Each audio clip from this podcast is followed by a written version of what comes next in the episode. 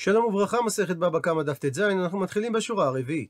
בעמוד הקודם שאלה הגמרא כשיטת מי משנתנו, שהרי מצד אחד אמרה המשנה השן מועדת לאכול משמע שבחצר הניזק עסקינן, ומצד שני אמרה המשנה שבהמה אינה מועדת לשלם נזק שלם, אבל חצי נזק היא כן משלמת, מה שאומר שהרישא של המשנה היא כשיטת רבנן. מצד שני, הסיפא של המשנה היא כשיטת רבי טרפון, שעל נזקי קרן, אפילו של שור תם בחצר הניזק, משלמים נזק שלם. והביאה על כך הגמרא שתי תשובות. בתשובה הראשונה אמרה הגמרא שאכן הרישא היא כשיטת רבנן והסיפא כשיטת רבי טרפון. בתשובה השנייה אמר רבי אלעזר משמי דרב שהמשנה כולה כשיטת רבי טרפוני, וברישא מדובר על חצר המיוחדת לפירות לאחד מהשותפים ולשברים לשניהם. כך שלגבי שן זה נחשב כחצר הניזק, ולגבי קרן זה נחשב כרשות הרבים. אמר רב כהנא, אמרית לשמה אתה, אמרתי את השמועה משמו של רבי אלעזר, בשם רב שהמשנה היא כשיטת רבי טרפון, קמי לפני דרב זביד מנהר דעה. ואמר לי רב זביד, מי מצית מוקמת לה כולה כרבי טרפון? האם אתה יכול להעמיד את המשנה כולה כשיטת רבי טרפון? הקטני, הרי כתוב במשנה, השן מועדת לאכול את הראוי לה. ומזה נדייק, שרק את הראוי לה, כגון פירות וירקות, אין, היא אכן מועדת לאכול ובעליה ישלם נזק שלם, אבל דבר שאין ראוי לה, כגון אם היא אכלה כסות וכלים, היא לא מועדת לנזק כזה, שהרי זה נזק משונה, ולכן הבעלים לא ישלם נזק שלם, אלא חצי נזק הוא ישלם. ואי אתה אומר שהמשנה כולה כשיטת רבי טרפוני, האמר רבי טרפון, שמשונה נזק של קרן תמה, שאם היא הזיקה בחצר הניזק, נזק שלם משלם הבעלים. וזה סותר את הדיוק שאמרנו, ששן לא מועדת לאכול את מה שאין ראוי לה. אלא מציע רב זביד הסבר שלישי למשנה, שלעולם המשנה כולה שיטת רבנני, וחיסורי מחסרא ואחי קטני. ויש חיסרון בגרסת המשנה, וכך צריך לשנותה. שבשונה משני התירוצים הקודמים שהסברנו שחמישה תמין זה חמשת נזקי הקרן ותולדותיה כאשר השור הוא תם, וחמישה מועדין זה השן והרגל ושור המועד ושור המזיק ברשות הניזק והאדם. רב זביד מסביר שחמישה תמין זה הנגיחה, הנגיפה, הנשיכה, הרביצה והבעיטה, ואם הועדו אותם חמישה, אז זה חמישתן מועדין. והמשך המשנה שאמרה השן מועדת לאכול וכולי, זה לא שייך למניין חמשת המועדין, אלא הוסיפה המשנה ואמרה, ושן ורגל מועדין מתחילתן. בהמשך דברי המשנה, ושור המועד ושור המזיק ברשות הניזק, מסביר הזביד שפירוש הדברים הוא, ששואלת המשנה, והיכן העדתן? דהיינו, באיזו רשות השן והרגל הופכים להיות מועדין, וזה מסתתר בפירוש המילים ושור המועד, ועונה המשנה שזה בחצר הניזק, וזה מסתתר במילים ושור המזיק ברשות הניזק. מה תקיף למה כשעל כך רבינה, הקטני לקמן, הרי כתוב בהמשך, בפרק שני, את ההמשך למשנה שלנו, שאמרה שם המשנה, שור המזיק ברשות הניזק, כיצד? עד לכאן הציטוט מהמשנה, ומקשה רבינה. היא אמרת בי שלמה. נוח לי אם אתה אומר שהמשנה שלנו, אי ריבה, היא מדברת על קרן תמה ברשות הניזק, שהוא משלם נזק שלם, אז משום הכי קטני כיצד? אז מובנת המשנה בפרק שני, שציטטה את המשפט מהמשנה שלנו שמדבר על קרן תמה ברשות הניזק, ועל כך היא אומרת כיצד, ומביאה את מחלוקתם של רבי טרפון ורבנן בעניין נגיחה של שור תם ברשות הניזק. אלא היא אמרת שהמשנה שלנו לא האיירי בה, היא לא מדברת על נזקי קרן ברשות הניזק. שהרי אתה רב זביד הסברת שהמשנה מדברת על נזקי שן ורגל בחצר הניזק, אז אם כך לא ברור, מהי משמעות המילה כיצד? אלא אמר אבינה, תשובה רביעית להסביר את המשנה, שאכן המשנה היא לשיטת רבנן, וחיסורי מחסרא ואחא קטני. ויש חיסרון בגרסת המשנה, וכך אמורה להיות הגרסה. חמישה תמים הן, והכוונה כפי שאמר רב זביד, לנגיחה, נגיפה, נשיכה, רביצה, בעיטה של קרן תמה, ואם הועדו חמישתן מועדין. כפי שאמר רב זביד, שזו כוונת החמישה מועדים ששנתה משנתנו. וממשיכה עכשיו המשנה, שיש מועדים נוספים, שהם לא בכלל החמישה שצוינו, ושן ורגל מועדין מתחילתן. ועכשיו חוזרת המשנה ואומרת, שמה שנאמר קודם, ואם הועדו חמישתן מועדין, וזהו שור המועד, שכתוב בתורה. והמשפט הבא במשנה, ושור המזיק ברשות הניזק, אינו בא ללמד אותנו דין, אלא הוא מפנה אותנו למחלוקת של רבי טרפון ורבנן בנושא הזה, שמובאת במשנה בפרק השני. עד לכאן הסבר המשנה לפי רבינה. הוא ממשיך רבינה ומסביר גם את הסיפא של המשנה. ויש מועדים אחרים כיוצא באלו, דהיינו כמו השן והרגל והאדם שהם מועדים מתחילתם, והם הזאב והארי והדוב והברדלס והנמר והנחש. ומביאה הגמרא סייעתא להסברו של רבינה, תניא נמי אחי, שנינו כך בברייתא הבאה, חמישה תמים הם, ואם הועדו, אז חמישתן מועדין, ושן ורגל מועדין מתחילתן, וזהו שור המועד שנזכר בפרשה, ושור המזיק ברשות הניזק, באנו למחלוקת רבי טרפון ורבנן, שהמשנה בפרק השני מרחיבה עליה, ויש מועדין אחרים כיוצא באלו, והם הזאב והארי, הדוב והנמר והברדלס והנחש. עד לכאן הגרסה הראשונה בדברי רבינה. גרסה שנייה לדבריו, איכא דרמו למירמה. יש שיקשו את הסתירה הבאה. תנן, שנינו במשנה שלנו שישנן חמישה תמים וחמישה מועדים. ויקשו על כך ותו ליקה, האם אין מועדים נוספים? והאיכא, והרי יש את הזאב, הארי, והדוב, והנמר, והברדלס, והנחש. ומשני, ועל כך ענו, בדבריו שאמר רבינה, חיסור מחסרא ואחי קטני. יש חיסרון בגרסת המשנה, וזה הגרסה הנכונה. חמישה תמים הם, ואם מועדו חמישתן מועדין, ושן ורגל מועדים מתחילתן, וזהו שור המועד שנזכר בתורה, ושור המזיק ברשות הניזק, זה מחלוקת רבי טרפון ורבנן, כפי שמבואר במשנה בפרק השני. ויש מועדים אחרים כיוצא באלו, והם הזאב והארי, הדוב והנמר והברדלס והנחש. והעיר תוספות על המשנה, שאותם חיות שהזכרנו, הזאב, הארי, הדוב, הנמר, הברדלס והנחש, לא בכל ענייני היזק הם נחשבים מועדים, אלא כל אחד נחשב מועד באופן שדרכו להזיק, כגון שבא זאף וטרף, וכן אם ארי דרס ואכל בהמה חיה, או שהוא טרף, הרג את הבהמה כדי להניח אותה לאחר מכן, אבל באופן אחר שזה לא דרכו, כגון ארי שטרף, דהיינו הרג את הבהמה ואכל אותה באופן מיידי, או שאר היזקות, שהם לא ההיזק הרגיל, הרי בדברים הללו הם לא היו מועדים. ועליהם הבעלים ישלמו חצי נזק. וגם בהיזקים הרגילים של החיות הללו, הבעלים ישלמו נזק שלם רק אם זה בוצע בחצר הניזק, אבל ברשות הרבים הם יהיו פטורים מלשלם, שהרי זה כמו נזקי שן ברשות הרבים. וכך גם אומר שמואל בהמשך הגמרא, שארי ברשות הרבים, אם הוא דרס ואכל, הוא יהיה פטור. ציטוט מהמשנה, שהבהמה אינה מועדת ולא לרבוץ על כלים. ומביאה הגמרא שלוש גרסאות לדברי רבי אלעזר. גרסה ראשונה, אמר רבי אלעזר, לא שנו במשנה שרביצת הבהמה על הכלים זה תולדה של קרן, אלא כאשר היא רובצת על פחים גדולים. אבל אם היא רבצה על פחים קטנים, זה תולדה של רגל, שהרי אורכי הוא, כך דרכה של הבהמה. אז אם היא רבצה על פחים קטנים ברשות הרבים, הבעלים יהיו פטורים מלשלם, ואם היא רבצה על פחים קטנים ברשות הניזק, יהיו הבעלים חייבים לשלם נזק שלם. ושואלת הגמרא, לימה מסייע לי?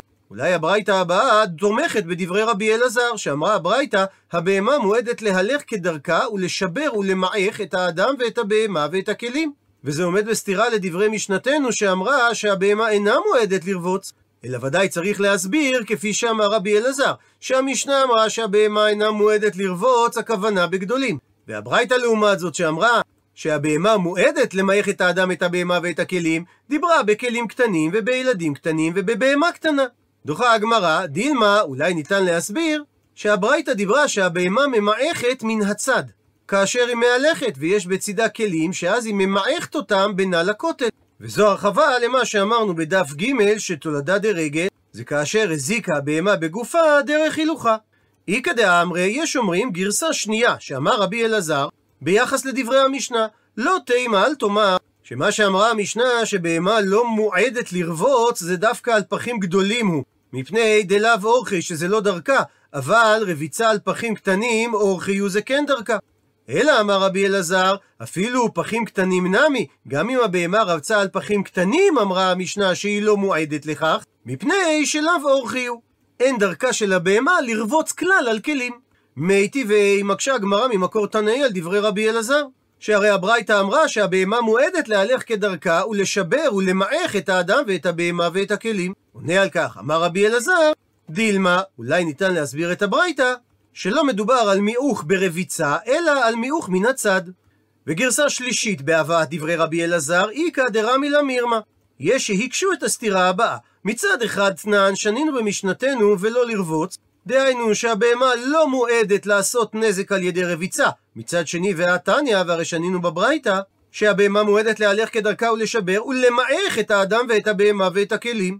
ועל כך אמר רבי אלעזר, לא קשיא, אין סתירה בין המשנה לברייתא. כאן במשנה מדובר בפחים גדולים שהבהמה לא מועדת לרבוץ עליהם, וכאן בברייתא מדובר על פחים קטנים שהבהמה כן מועדת לרבוץ עליהם. ציטוט מהמשנה, הזאב והארי, והדוב והנמר והברדלס והנחש. ולפני שהגמרא תשאל על זיהויו של הברדלס, נזהה את בעלי החיים הללו בעזרתו של דוקטור משה רענן מפורטל הדף היומי. הזאב הוא כנראה זאב הערבות. הארי הוא אותו ארי המוכר לנו כיום. הדוב הוא כנראה הדוב הסורי, והנמר גם הוא מוכר לנו, הוא מופיע בפסיפס בית הכנסת בעזה, שהתגלה בשנת 1965 על ידי מצרים שחפרו במקום להנחת יסודות לבניית קזינו. כשרצועת עזה נכבשה על ידי מדינת ישראל במלחמת ששת הימים, יצאו אנשי רשות העתיקות למקום ואישרו את השארתו של הארכיאולוג אבי יונה, כי זוהי רצפת בית כנסת.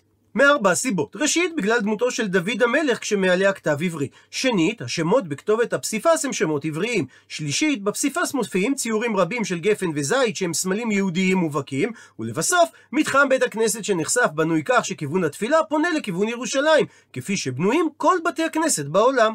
בית הכנסת שהתגלה בעזה היה חריג בגודלו. הוא כלל חמישה מפלסים, בעוד ששאר בתי הכנסת העתיקים בארץ ישראל כללו שלושה מפלסים בלבד.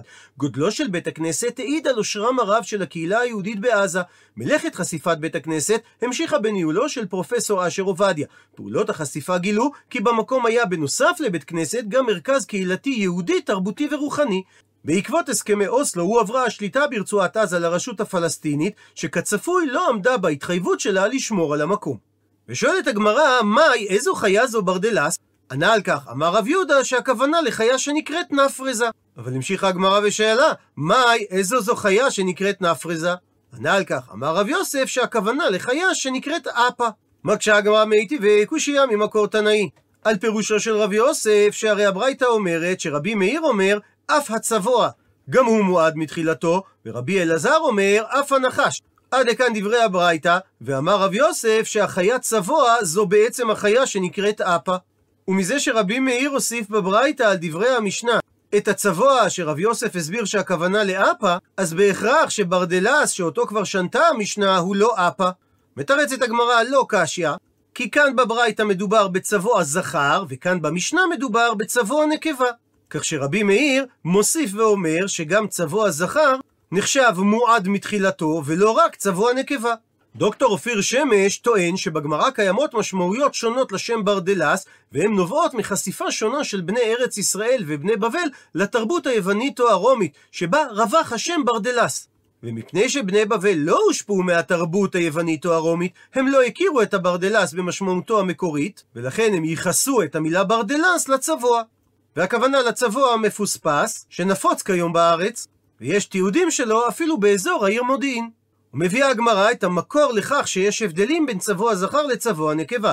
דתניא ששנינו בברייתא, צבוע זכר לאחר שבע שנים הוא נעשה עטלף, והעטלף לאחר שבע שנים נעשה ערפד, ערפד לאחר שבע שנים נעשה קימוש, שזה סוג של קוץ, והקימוש לאחר שבע שנים נעשה כוח, שזה סוג אחר של קוץ, והכוח לאחר שבע שנים נעשה שד. ומביאה הברייתא דבר נוסף שמשתנה לאחר שבע שנים, שדרו של אדם לאחר שבע שנים נעשה נחש.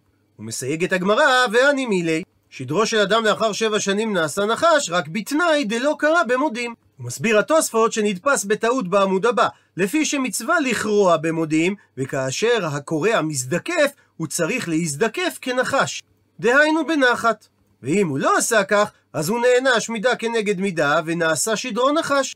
ויש מפרשים שהדברים הם על בסיס המדרש, שיש עצם בשדרו של אדם שממנו הוא ייווצר לעתיד לבוא, שאותו עצם חזק וקשה כל כך, שאין אפילו האש יכול לשורפו. ועכשיו, כשאותו העצם נעשה נחש, זה גורם שאותו אדם לא יחיה לעתיד לבוא. אבל דוחה תוספות שאין סברה לומר שיהיה עונשו של אדם גדול כל כך בשביל עוון זה שהוא לא קרא במודים, והרי כל ישראל יש להם חלק לעולם הבא. ונציין שברייתא זו המייחסת יכולת גלגול בעלי חיים, צמחים וכולי ממין אחד לאחר, סיפקה תחמושת רבה למלעגים על דברי חז"ל. מלעיגים אלו נכללים בכת השנייה שתוארה על ידי הרמב"ם בהקדמה לפרק חלק בסנהדרין.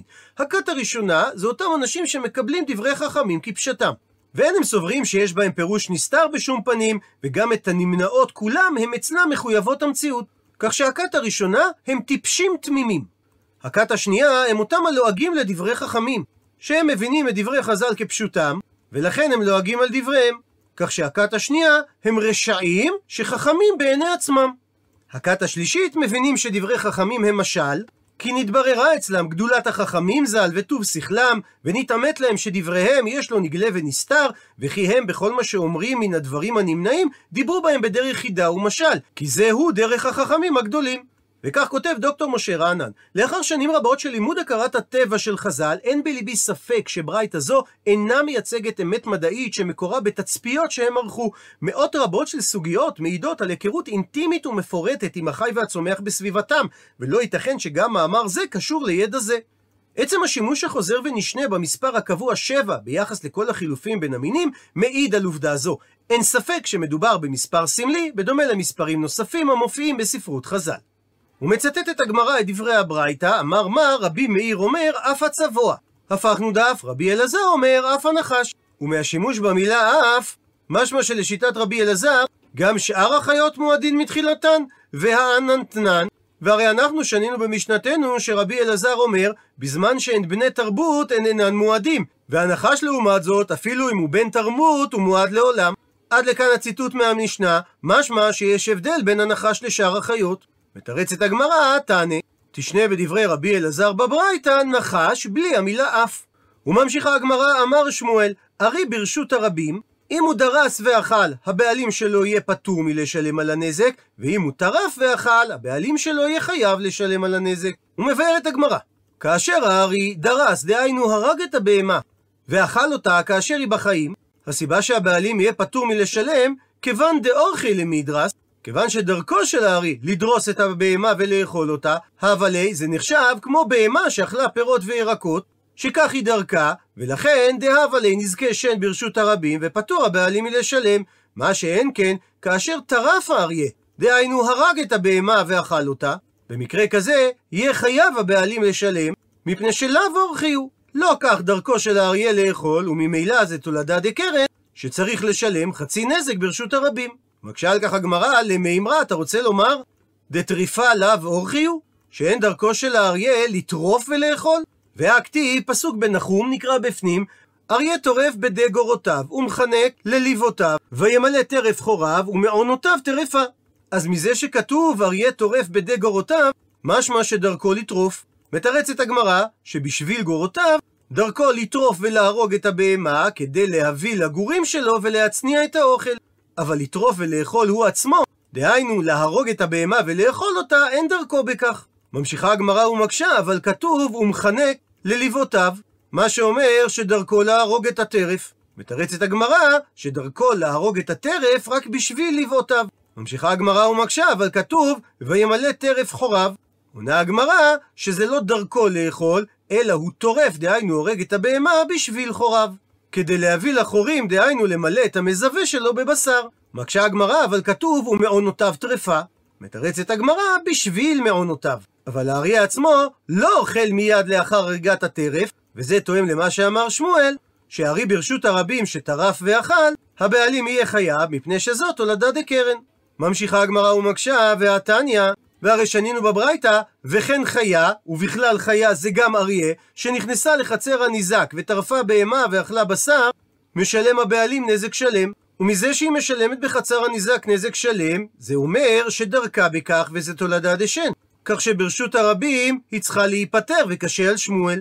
מתרצת הגמרא, אחא במאי עסקינן, כאן בברייתא באיזה מציאות מדובר? שטרפה כדי להניח, שהאריה הרג את הבהמה, כדי להצניע אותה לאחר כך, שזו אכן דרכו. מקשה על כך הגמרא, האכלה קטני. הרי הברייתא מדוברת שהיא טרפה בהמה ואכלה אותה, ולא שהיא טרפה אותה והניחה אותה לאחר כך. מתרצת הגמרא שמדובר בשנמלכה ואכלה. שבהתחלה היא טרפה כדי להניח את הבהמה לאחר כך, ואז היא התחרתה ואכלה אותה. דוחה הגמרא את ההסבר הזה משום שתי השאלות הבאות. שאלה ראשונה, מניה דינן? מהיכן אתה יודע את הפסיכולוגיה של החיה הטורפת? ועוד קושייה שנייה, דשמואל נמי, גם על דברי שמואל ניתן לומר דילמה הכי הוא. שאולי מה שהוא אמר שהארי טרף ואכל חיה, ייתכן שהארי טרף על מנת להצניע לאחר מכן, ואז הוא נמלח, התחרט ואכל. אז אם כך, מדוע חייב הבעלים לשלם? הרי הוא היה צריך להיפטר מהתשלום. עונה על כך, אמר רב נחמן בר יצחק, שצריך להסביר שהברייתא לצדדין קטני.